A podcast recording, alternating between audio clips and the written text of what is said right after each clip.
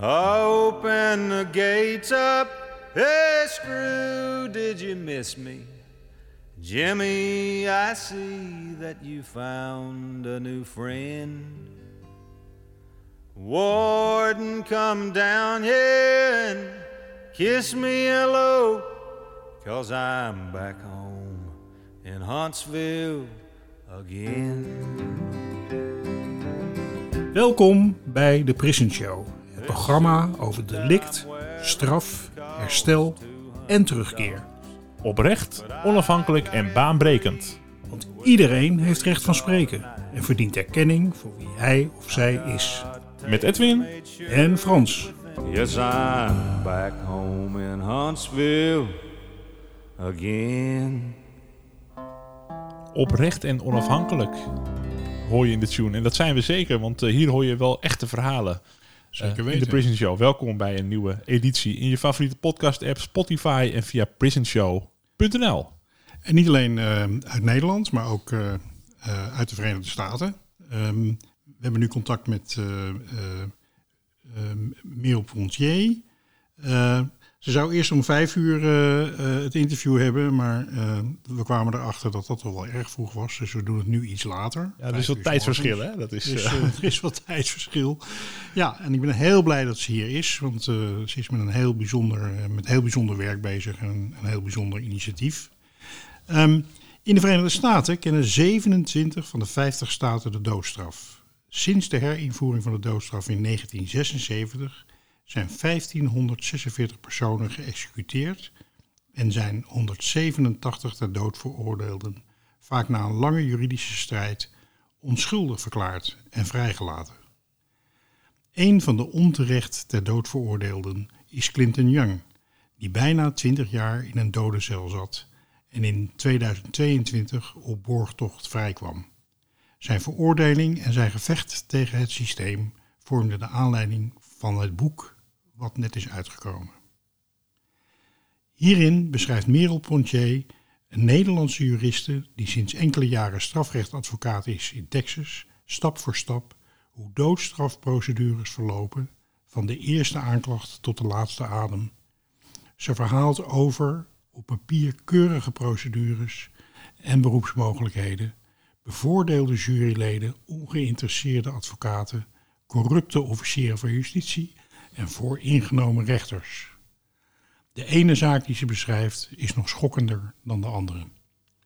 Merel Pontier schrijft verder over gerechtelijke dwalingen, problemen rond gruwelijke executies, discriminatie in de rechtszaal en omstandigheden in de dodencellen.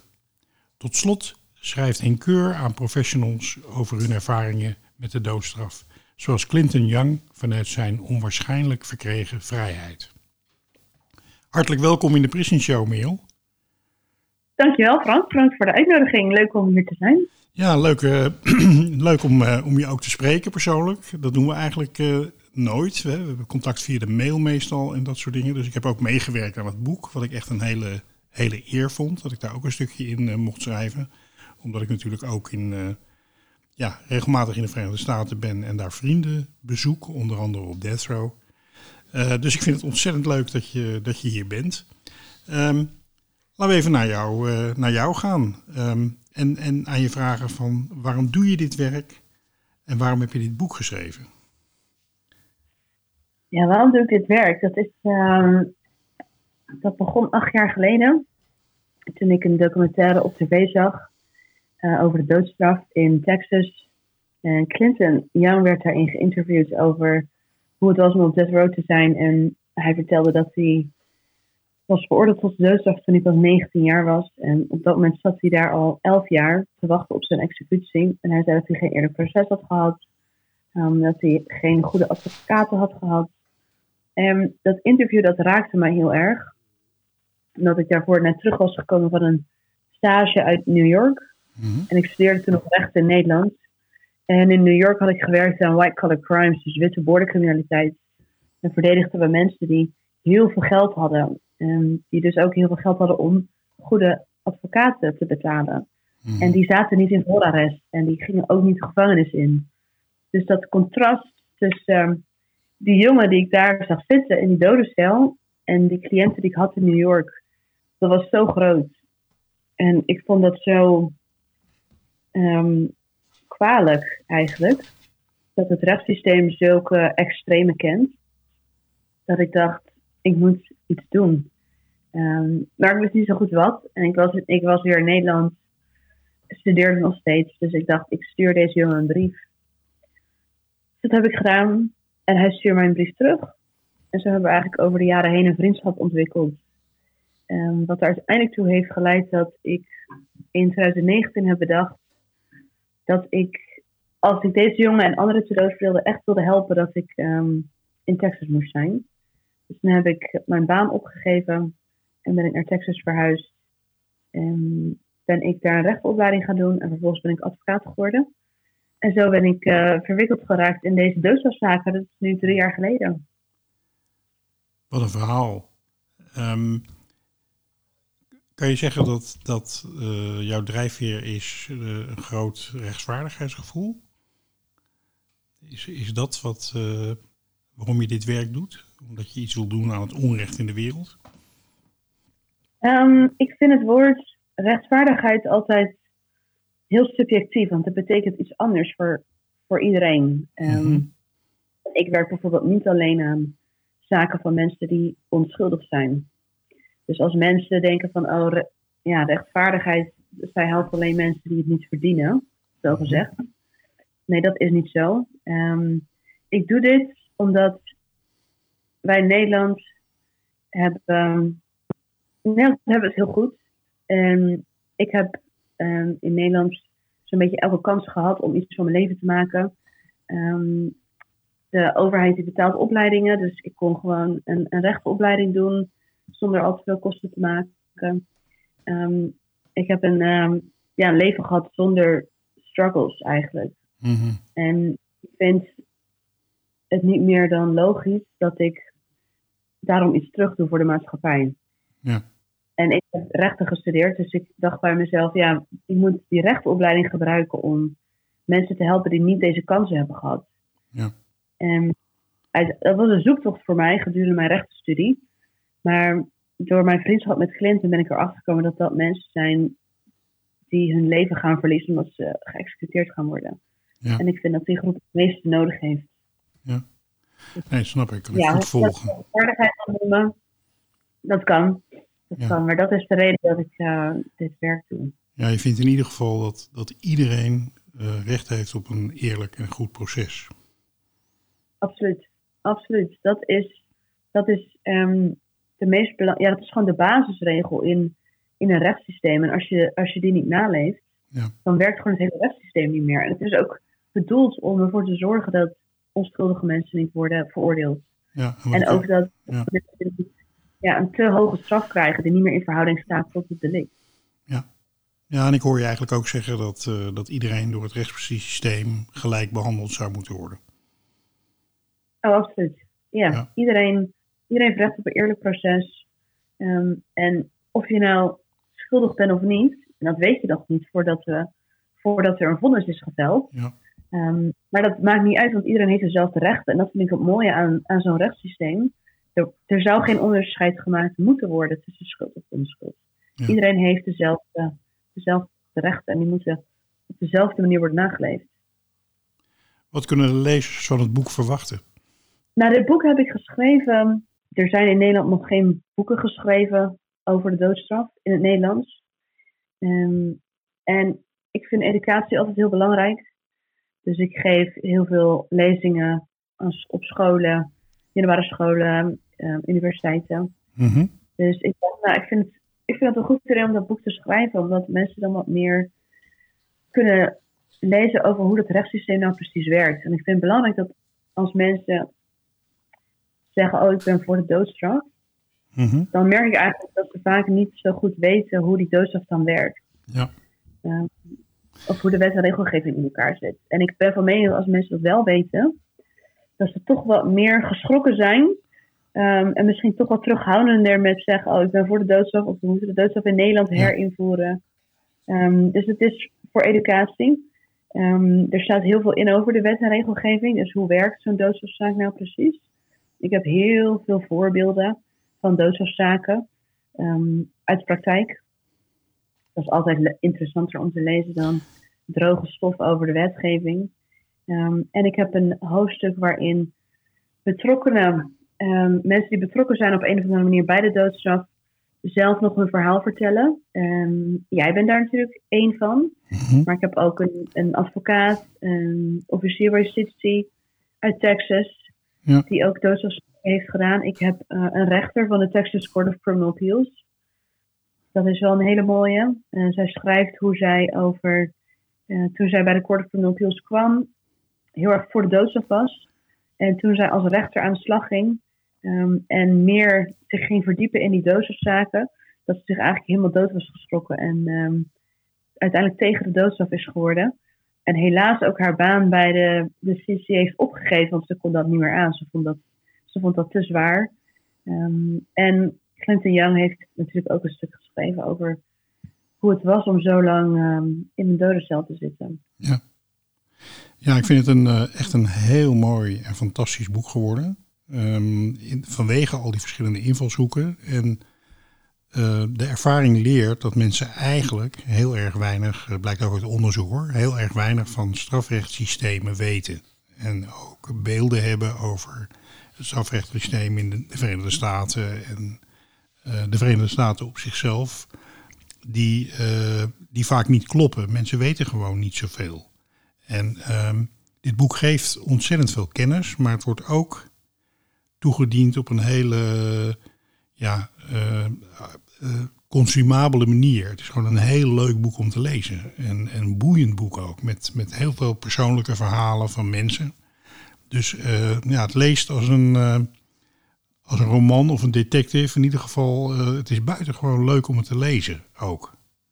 En dat, nou, dat vind ik heel leuk om te horen, want dat is ook het, het dat is precies het doel. Want het is best wel. Um, het is lastige materie. Dat Ja. weet jij ook, Frans. Jij zit Ja. er ook altijd in.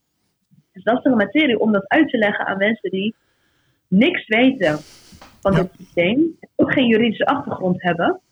Um, dus het, het, en het moest natuurlijk ook interessant zijn. Ja. En leuk zijn om te lezen. Dus ik ben blij dat het uh, in ieder geval voor jou dat doel heeft bereikt. Volgens mij is dat goed gelukt hoor. Want ook die, die, die officier bijvoorbeeld en zo. Dat zijn gewoon mensen die een heel helder, een heel goed leesbaar en heel begrijpelijk verhaal vertellen. Vind ik. Ja, klopt. Ja. Nee, helemaal eens. Het, ehm, al die verhalen zijn stuk voor stuk eh, heel mooi opgeschreven. En, en ze geven allemaal een compleet ander inkijkje. Ja, zeker. Vooral de officier, ja, die heeft...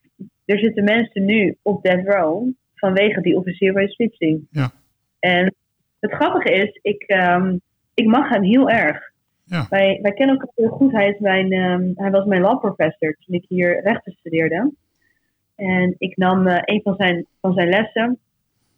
En op het begin hadden wij een beetje een. Nou, we mochten elkaar niet zo heel erg, maar dat was omdat ik hem constant in de les aan het aanvallen was. Mhm. Want in mijn ogen was hij een officier bij justitie en hij had ervoor gezorgd dat mensen op death row terecht zijn gekomen. Dus ik vond dat heel erg. Ik vond dat heel slecht. Ja. Dus ik mocht deze helemaal niet op het begin. En ehm, ik was hem constant aan het uitdagen in de lessen. En hij had dat natuurlijk ook door. Dus op een gegeven moment ehm, hebben wij na, na een van zijn lessen de afloop nog eh, een keer heel lang staan praten. Ja. En toen hebben we een heel lang gesprek gehad over het rechtssysteem in Amerika. En dat was een heel goed gesprek. En hij gaf aan dat, ehm, dat als hij een doodstraf zou eisen, dat hij daar heel goed over na zou denken. Ja. En ik sprak bijvoorbeeld ook Clinton met hem. Dus ik vertelde wat er in die zaak was gebeurd. En toen zei hij, ja Merel, dat is een zaak waarin ik nooit een doodstraf zou eisen. Dat is oneerlijk. Je hebt drie medeverdachten die allemaal een deal aangeboden hebben gekregen. En dan heb je er één en die heeft doodstraf. Hij zegt, dat is zo'n enorm verschil. Um, en je hebt dan die medeverdachte nodig om een veroordeling te krijgen voor de, voor de vierde Ja. verdachte in de Ja. zaak. Dat zou ik nooit doen. Um, hij zei, ik, zou daar heel, uh, ik, ik ga daar heel, heel bedachtzaam mee om. Uh, met, met zijn doodstrafeisen. En um, ja, vanaf dat moment zijn we eigenlijk nou, bijna een soort van vrienden geworden. Ja. Um, ik spreek nog steeds met hem. Dus uh, ik, ben, ik ben heel blij dat hij ook een stuk Ja. heeft willen schrijven. Heel mooi dat, dat, eh, dat je die kant ook belicht in het boek. Eh, toevallig hebben Edwin en ik onlangs eh, eh, een man geïnterviewd die een boek geschreven heeft over het OM in Nederland. En daar kwam dat ook naar voren. Hè? Je hebt het systeem hè? en daarnaast heb je de mensen. En ehm, die in dat systeem werken. En het is niet zo dat zelfs in een systeem wat, wat ik af en toe vergelijk met Nazi-Duitsland, het, het, het, het executeren van, van mensen, zeg maar, op een hele industriële manier, zodat je dat ziet in Texas. Uh, dat vind ik verschrikkelijk, afschuwelijk. En tegelijkertijd er werken dus ook gewoon uh, hele, hele aardige, gewetensvolle mensen die binnen hun eigen context er het beste uh, van proberen te maken. Uh, dat geldt ook over gevangenisdirecteuren die ik daar ben tegengekomen in Texas. Dus, dus het is um, denk ik ook belangrijk dat je dat, uh, dat, je dat ook laat zien. Dat er ook gewone mensen werken. Absoluut. En mensen die gewoon die heel integer zijn. Ja. Want wat je zegt, het systeem, is, het systeem is kapot in Amerika. Maar niet iedereen die in het systeem werkt is onethisch of niet integer. En er zijn mensen die met hele goede bedoelingen uh, in dat systeem werken. Ook al Ja. werken ze dan voor mij aan de verkeerde kant. Ja. ze doen wel goed werk. Ja. En in Clint's zaak eh, heeft een officier van justitie voor met een rechter samengewerkt. En dat kan natuurlijk absoluut niet. En toen dat naar buiten kwam hier in Texas, toen belde hij mij op. En toen zei hij, Merel, ik heb dat net in de krant gelezen, wat van justitie heeft gedaan. En ik wil even zeggen, dat kan echt niet. Hij zei, Ja. ik, ik viel van mijn stoel verbazing hoe niet integer en hoe onethisch dat is. Hij zegt, ik kan dat me gewoon niet voorstellen dat je dan s'nachts nog kan slapen als officier bij. Ja. En ik Ja. vond dat mooi van hem te horen, want hij meent dat. Hij Ja. meent dat. Ja. Hij ehm, het is een hele ethische man en eh, ik ben blij eigenlijk dat er officieren bij justitie zijn zoals hij. Nou, nog. Zaken dan dat eerlijker gaan. Ja. Hey, als je nou ehm, eh, het Nederlands en het Amerikaanse rechtssysteem met elkaar vergelijkt, wat zijn de allerbelangrijkste verschillen? Ja, het rechtssysteem is, is bijna op geen enkel punt te vergelijken. Mhm. Kijk, er zijn voordelen en nadelen. En ik, ehm, hoewel de nadelen natuurlijk zo duidelijk overal uit blijken, moet ik ook zeggen dat Amerika wel heel erg vooruitstrevend is met rechten voor verdachten en veroordeelden. Mhm. Om maar even een voorbeeld te noemen, het recht op eh, verhoorbijstand, dat hebben wij pas in Europa enkele jaren geleden geregeld. En dat is in Amerika al sinds jaar en dag zo. Mhm. Dus zij, liep- zij lopen daarop voor. Op, op heel, en dat is op, op- ten aanzien van veel meer rechten voor verdachten en veroordeelden. Op papier werkt dat systeem heel goed. Ja. En op papier zijn heel veel waarborgen voor Ja. verdachten in, in, in criminal trials. En alleen in de praktijk werkt het alleen vaak niet zo. Ja. En dat komt toch weer door de menselijke kant. Bepaalde rechters, bepaalde officieren van justitie, bepaalde advocaten. Ehm,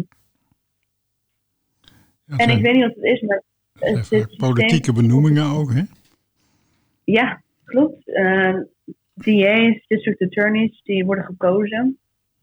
Dus ik vind, ik, ik vind, dat, ik vind dat niet iets positiefs. Want ik vind altijd dat, dat een, een DA een, een tweede motief geeft om een bepaalde straf te eisen. Ja. Niet alleen zeker. voor de rechtvaardigheid voor de maatschappij, maar ook voor hun kiezers.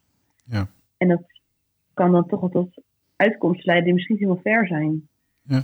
Maar ik kan inderdaad eh, bevestigen dat het gekke is dat bijvoorbeeld in Amerika, zie ik in de gevangenis, zelfs in Texas, dat het redelijk eenvoudig is om eh, voor een eh, veroordeelde om contact te hebben met de pers. Hè?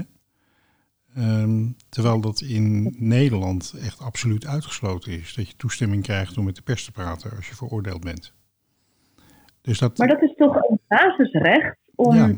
Hè, eh, persvrijheid en vrijheid van meningsuiting.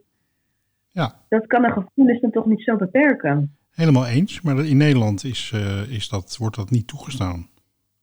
En dat heeft dan, eh, met het argument is dan slachtofferdenken en dat soort dingen. Hè? Dat de slachtoffer mag niet horen dat iemand in de pers is, want dat zou beschadigend zijn.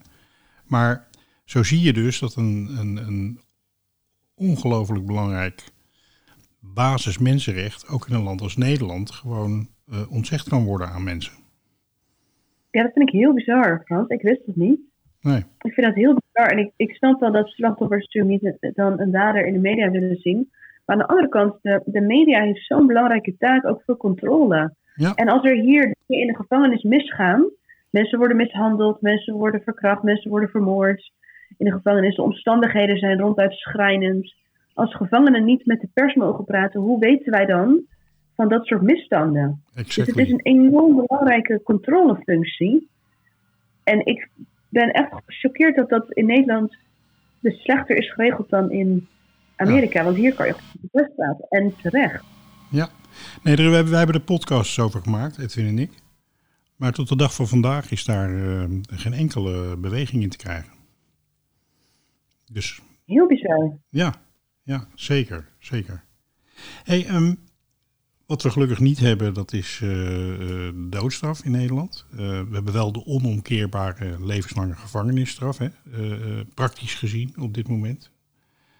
Um, hoe verklaar je dat die doodstraf in Amerika er nog steeds is? Wat, wat, wat zegt dat ook over, over de Verenigde Staten of over haar inwoners? Ja, het zegt heel veel over hun rechtvaardigheidsgevoel.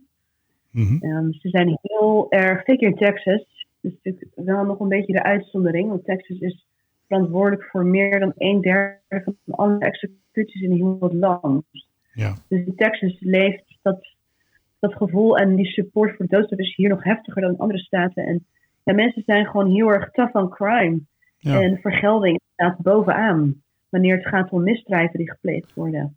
Um, en ze denken, heel veel mensen denken ook dat dit mensen ervan weerhoudt om misdrijven te plegen. Ja, slecht geïnformeerd ben misschien. Want op zich de Texaan, zoals ik hem uh, ontmoet heb... Ik ben toch heel vaak in Texas geweest. Dat zijn gemiddeld gewoon ontzettende vriendelijke mensen, vind ik zelf. Oh, absoluut. Ze zijn enorm vriendelijk. En ze zijn super welcoming. Weet je, ik, als je mensen ontmoet, ze helpen je. Als je langs de kant van de weg staat met pech. Je wordt uitgenodigd bij mensen thuis. Mensen zijn super, super welcoming. Super vriendelijk. Um, maar toch, ook die mensen, die zijn, wanneer het aankomt op een rechtssysteem, toch vaak heel erg in favor van heel streng straffen.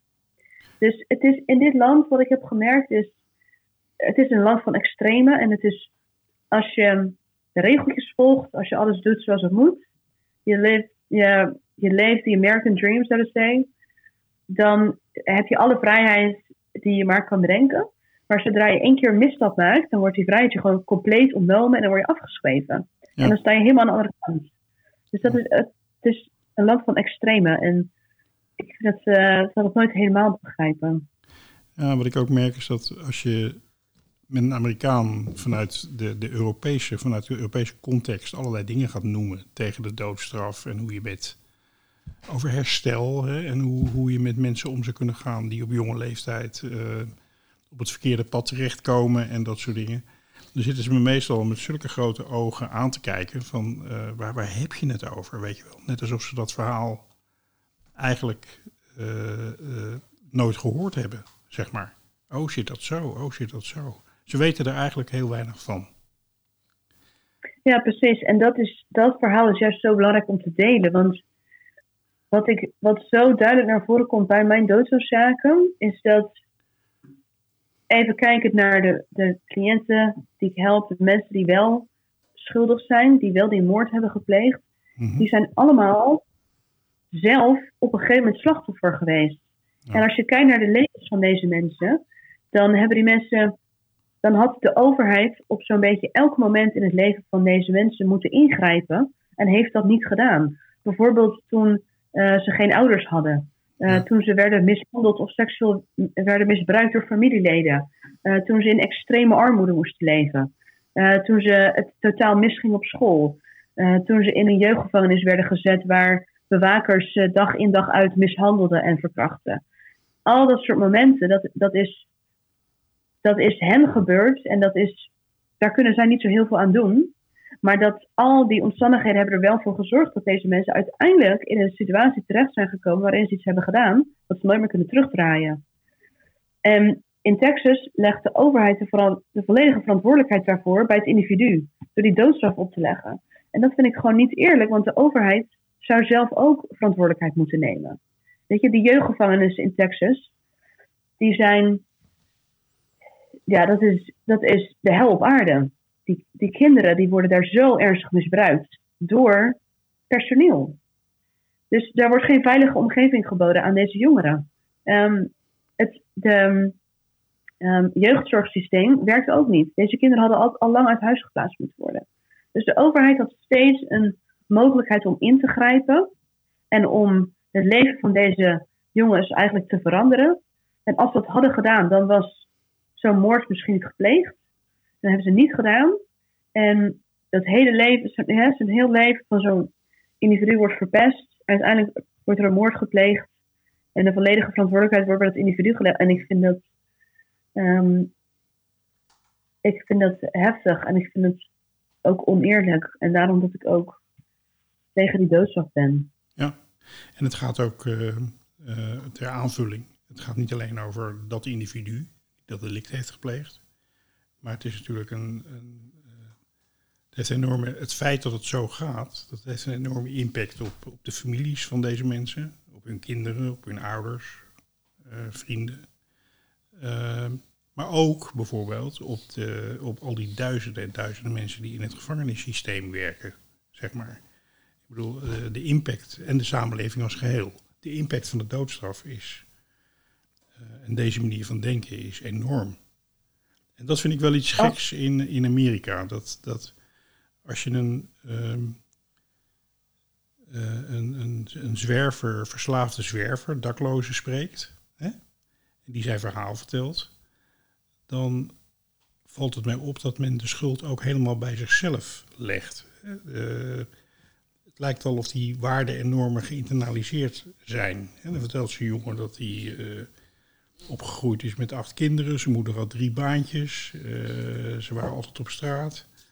Maar nog zegt hij van ja, als ik beter mijn best gedaan had, dan had ik, was ik wel een succes geworden. Dan had ik wel een, een baan gehad en een huis en allemaal dat soort dingen. Dus het, op een of andere manier zit het in de genen van de mensen, lijkt het wel. Om zelf te denken dat je, uh, als je krantenjongen bent, miljonair kunt worden. Weet je wel? De American Dream.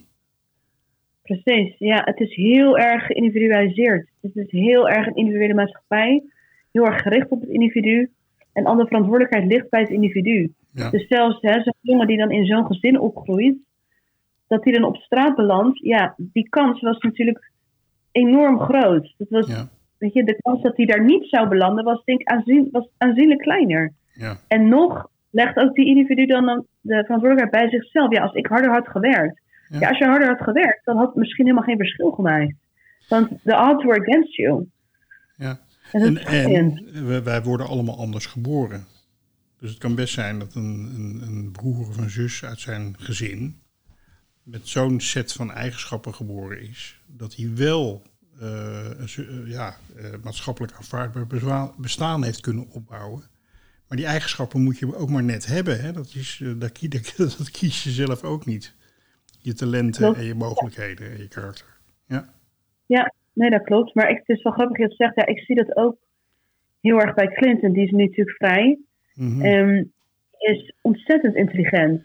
Um, die heeft ook tijdens zijn uh, gevangenschap heel veel um, rechtenboeken gestudeerd. En toen ik rechten studeerde, kwam ik hem elke week bezoeken. En toen heeft hij mij ook heel veel geleerd over het Amerikaanse rechtssysteem. Dus dat was prachtig. Maar die ging, voordat hij de gevangenis inging, ging zijn leven toch een beetje downhill, zo te zeggen. Um, hij was dat op het verkeerde pad. En het mooie is dat, en dat zegt hij zelf ook, dat die dode cel hem ook een nieuwe kans in het leven heeft gegeven. En, en het heeft hem ook zoveel nieuwe contacten gebracht, nieuwe mensen die hij anders niet had ontmoet. Um, die documentaires die over hem zijn gemaakt. Dus nu hij vrij is, en de stichting helpt hem, heeft hem enorm geholpen met uh, um, ja, zeg maar, rehabilitatie. En iets van zijn leven op van zijn leven maken. En je ziet dat ja, zijn leven is nu zo compleet anders dan 20 jaar geleden. En hij doet het ontzettend goed. Ja. Echt ontzettend goed. Ik ben heel trots op hem. En eh, Ik, Ik vind, vind dat, dat wel mooi. eh, mooi wat je vertelt over Clinton. En wat mij betreft is het ook een heel herkenbaar verhaal. Ik bedoel, als jij jong bent en eh, je hebt enorme uitdagingen in je leven en het, het gaat niet goed. Hè? Eh, mijn stelling is dat iedereen op een gegeven moment toch gaat herstellen. In meer of mindere mate.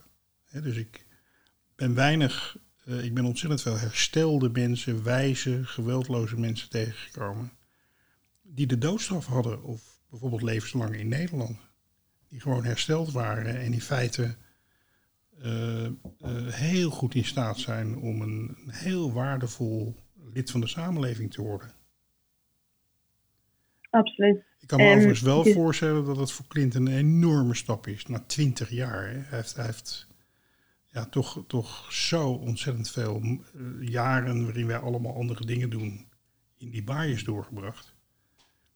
Ja, 20 jaar is zo lang. Als je even bedenkt dat je de afgelopen 20 jaar hebt gedaan. Dat is zo ontzettend veel. En die stap voor hem aan het begin, ja, die was zo groot. Ja, Ehm, dat was zo'n mentale omschakeling. En ik kon het ook zien, want ik was daar bijna elke dag bij om hem te helpen.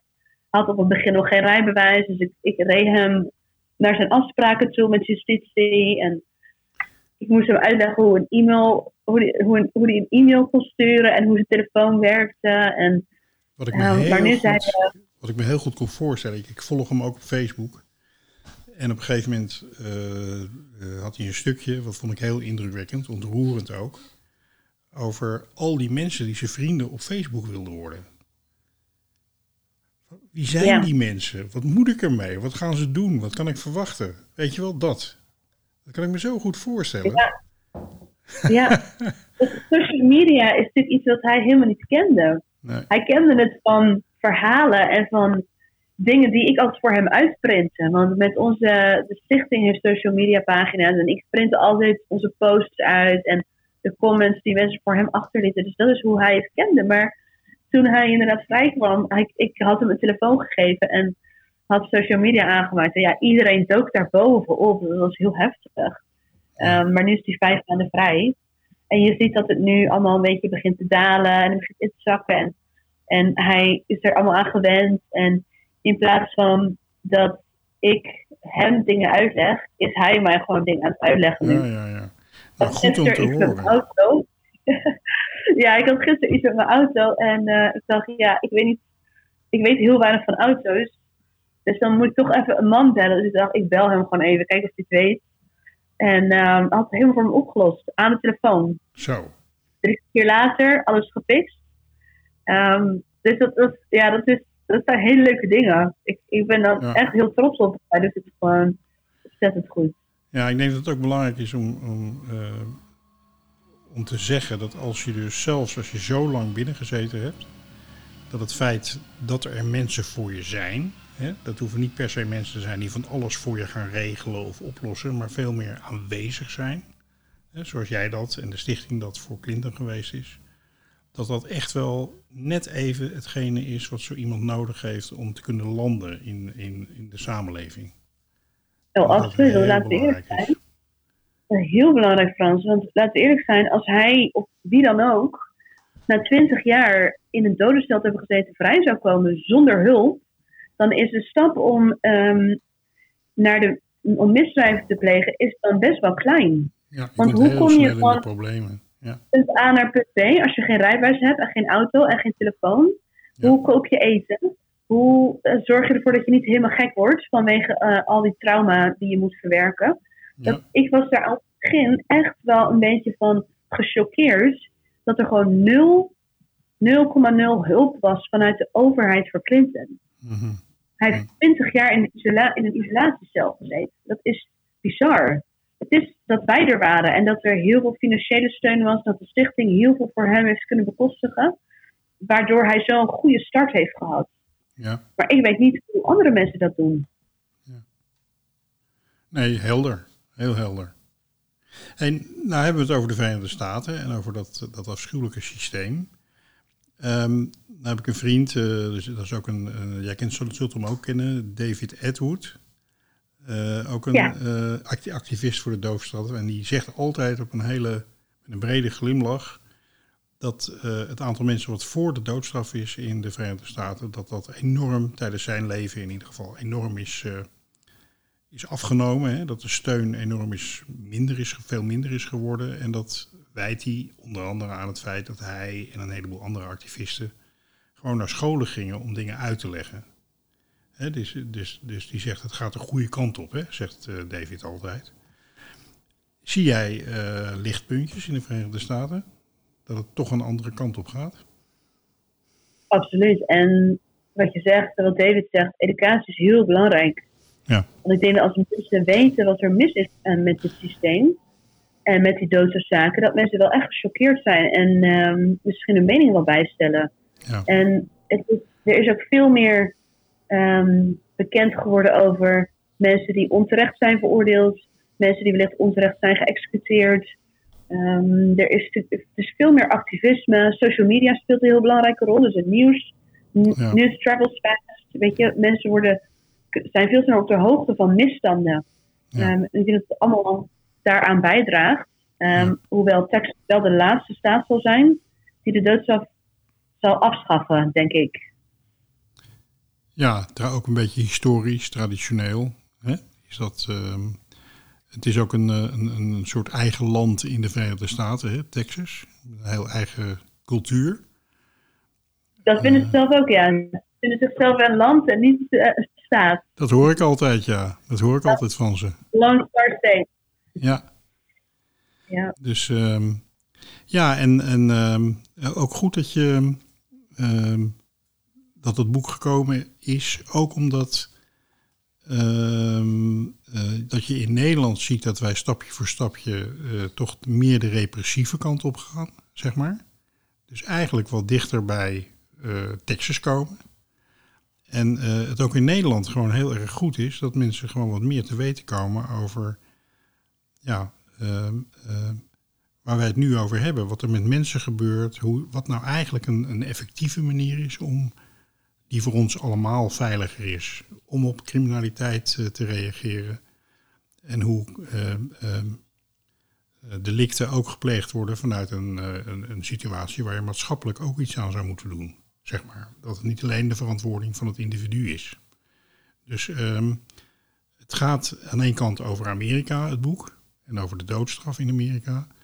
Aan de andere kant, uh, uh, het helpt volgens mij ook enorm om te reflecteren op ontwikkelingen die zich uh, in Nederland en in West-Europa aftekenen. Absoluut. Ja, helemaal mee eens. En ik heb het boek niet geschreven om mensen te overtuigen dat ze tegen de doodstraf moeten zijn. Ik heb het ook heel feitelijk gehouden in het boek. Mijn eigen mening komt niet naar voren. Dus dat heb ik geprobeerd om dat niet te doen. Mm-hmm. Um, maar het is echt bedoeld ter informatie. En ja. ik denk dat als mensen feiten kennen, dat ze een wel overwogen beslissing kunnen nemen of ze wel of niet voor de doodstraf zijn. Ja. Dat, nou, er, is, er zal niemand zijn die, uh, als hij het boek leest, uh, denkt dat jij voor de doodstraf bent hoor. en dat is ook helemaal niet. En dat is ook helemaal niet erg. nee, dat is ook zo. Dat is ook zo. En um, nee, oké. Okay. Fair, fair enough. ja, maar het is ook goed dat je, dat je uh, niet aan het, aan het betogen slaat. Dat je gewoon. Uh, ik denk dat dat ook veel meer impact heeft. Door, om gewoon feitelijk uh, dingen te vertellen. Dat, is, dat, dat werkt gewoon veel beter, denk ik. Ja, en de feiten spreken voor zich. Die zijn schokkend genoeg. Dus Precies. ik hoef daar niks aan toe te voegen. Precies. Merel, heel erg hartelijk bedankt voor dit interview. We zetten de, in de show notes waar mensen het boek kunnen bestellen en dat soort dingen. Misschien nog wel goed om even te zeggen waar de opbrengst van dit boek naartoe gaat. Ja, inderdaad. Goed dat je het zegt. Nou, niet naar mij natuurlijk, uh, want ik doe dit werk niet voor, een, voor het geld. Anders uh, had ik een ander beroep moeten kiezen. Maar alle opbrengsten, ook die van de uitgever, die gaan naar mijn stichting. Ja. Uh, met mijn stichting help ik ter dood veroordeelden en ook levenslang, levenslang gestraft in Texas. Ja. Dus uh, ja, mijn, mijn, mijn werk wordt uh, daarmee mogelijk gemaakt. En uh, ja. hopelijk kunnen we de komende jaren nog andere mensen vrij krijgen. Nou, ik hoop dat heel erg, want ehm, ehm, we zijn allemaal medemensen, hè? of je nou in Nederland of in de Verenigde Staten woont. En ehm, het werk wat jij doet maakt eh, de wereld toch een, eh, een stukje beter, vind ik. En niet alleen voor de mensen in de Verenigde Staten, maar ik denk ook voor ons. Want ehm, de manier waarop we met, op criminaliteit reageren, is in de hele wereld eigenlijk een, eh, een, een ontzettend belangrijk onderwerp. Absoluut. Helemaal mee eens, Frans. Mooie Heel erg bedankt. Dag Merel, werk Bedankt ze voor de vandaag. Jo, Dankjewel. dag. Jo. Dag.